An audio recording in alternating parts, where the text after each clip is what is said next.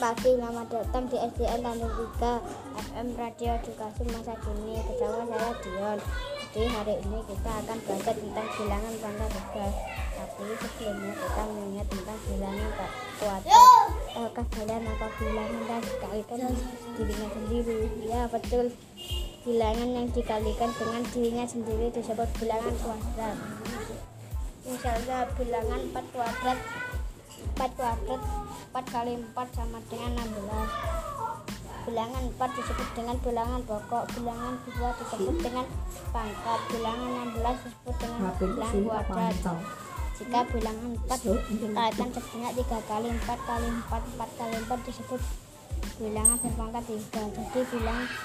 pangkat 3 ada perkalian berulang sebanyak 3 kali. Soalnya bilangan 4 pangkat 3 sama dengan 4 pangkat 3 sama dengan 4 kali 4 4 kali 4 sama dengan 64 misal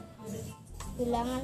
4 disebut bilangan pokok bilangan 3 disebut dengan pangkat bilangan 64 disebut bilangan kubik atau hasilnya bilangan pangkat 3 satu pangkat 3 artinya 1 kali 1 1 kali 1 sama dengan 1 dua pangkat 3 eh, 2 pangkat 2 artinya 2 kali 2 2 kali 2 sama dengan 8 2 pangkat 3 artinya 3 kali 3 3 kali 3 sama dengan 27 4 pangkat 3 dibaca 4 ah, sorry artinya 4 kali 4 4 kali 4 sama dengan 64 5 pangkat 5, 5 pangkat 3 artinya 5 kali 5 5 kali 5 sama dengan sama dengan 1, 125 bilangan berpangkat 2 disebut bilangan kuadrat bilangan berpangkat 3 disebut bilangan kubik